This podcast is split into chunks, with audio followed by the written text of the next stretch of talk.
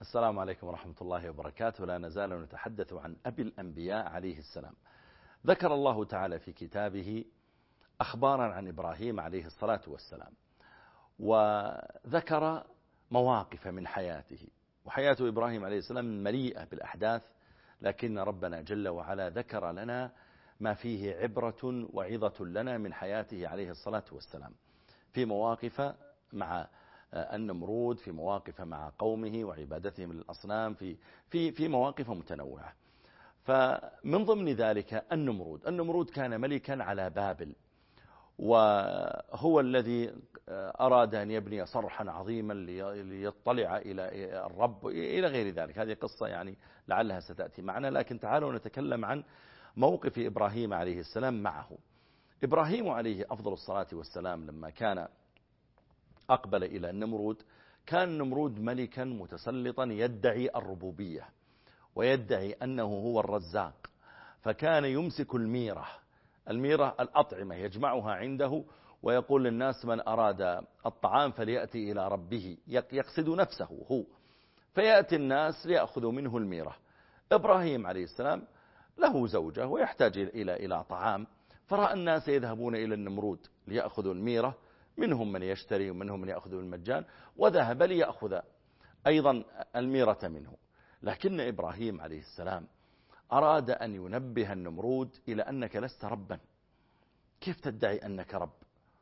وأنت مثلنا تأكل وتشرب وتنام وتمرض وتصح ولو أصابتك الشمس أصابك المرض والعرق. كيف كيف تدعي أنك رب؟ ولذلك تحاور معه إبراهيم عليه السلام. وكان النمرود ملحدا. لا يعتقد أن هناك رب أصلا ويعتقد أنه هو رب الناس. ولذلك قال الله تعالى ألم ترى إلى الذي حاج إبراهيم في ربه أن آتاه الله الملك؟ كلما كان الإنسان كما قال الله تعالى كلا إن الإنسان ليطغى أن رآه استغنى. المال إذا رزق به المرء إما أن يورثه ذلك شكرا لله وإيتاء للزكاة منه وإقرارا في قلبه أن هذا المال نعمة من رب العالمين وبالتالي أنا مأمور بالشكر وهذا بلا شك أنه موفق. لكن قد يكون هذا المال مطغيا له داعيا له إلى التكبر داعيا له إلى أن يكثره فلا ينظر هل هو من حلال أم من حرام. فهذا أيضا يسوقه إلى البلاء والفساد. ولذلك بين الله تعالى حال المال وكيف أن من الناس من يؤتي زكاته ومنهم يعني كما قال الله تعالى الذي يؤتي ماله يتزكى. ذكر ذلك عن أبي بكر رضي الله عنه كان صاحب مال لكن كان ينفق منه في سبيل الله. ولذلك قال الله تعالى وما له من نعمة تجزى إلا ابتغاء وجه ربه الأعلى ولسوف يرضى. يعني فبين الله تعالى أن أبا بكر يتصدق بالمال وهو غني ويتعرف به إلى الله تعالى لا يرجو جزاء من نعمة من هؤلاء الذين يتصدق عليهم لكن يريد أن أن يرضى الله تعالى عنه. لكن من الناس من يطغى بالمال كما وقع هذا للنمرود. فقال الله تعالى ألم تر إلى الذي حاج؟ حاج يعني ناقش وحاور إبراهيم في ربه في الله. أن آتاه الله الملك.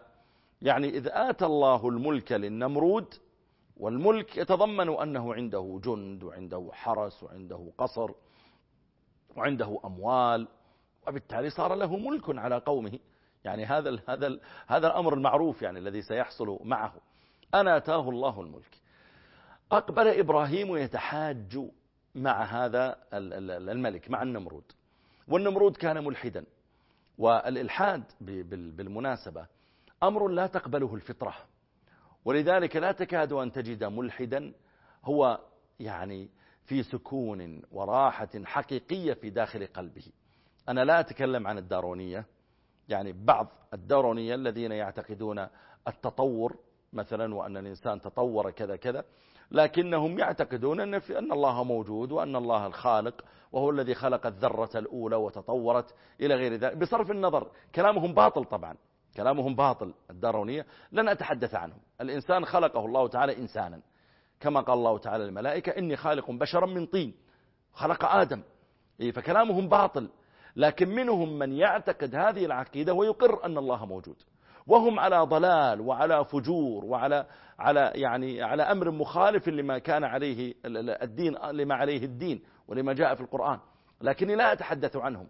أنا أتحدث عن من ينكر أصلا أن الله موجود. بصرف النظر اعتقد بالدارونية أو ما اعتقد هو أصلا ينكر أن في إله وينكر أن فيه خالق. تقول من خلق السماوات من خلق الأرض من خلق الجبال. لا يقر بذلك أصلا. يقول ما في خالق لها. هذه كلها وجدت صدفة أو, أو يبحث عن مخارج. هذا النوع من الناس الذي لا يقر أصلا أن في إله. لا يقر أصلا أن هناك رب. لا يقر أصلا أن هناك خالق.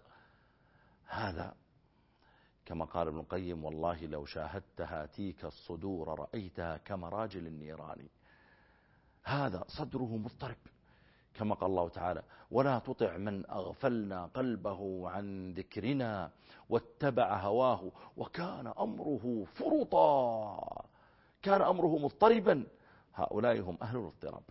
هؤلاء الذين لا يقرون أن هناك رب أصلا ولا يقرون أن هناك خالق خلق الكون و يعني هو القوي العظيم الجبار جل وعلا. ينكرونه؟ هؤلاء لا تجد واحدا منهم يشعر براحة وطمأنينة في حياته. كلا. كلا. وأرجو أن يفرق.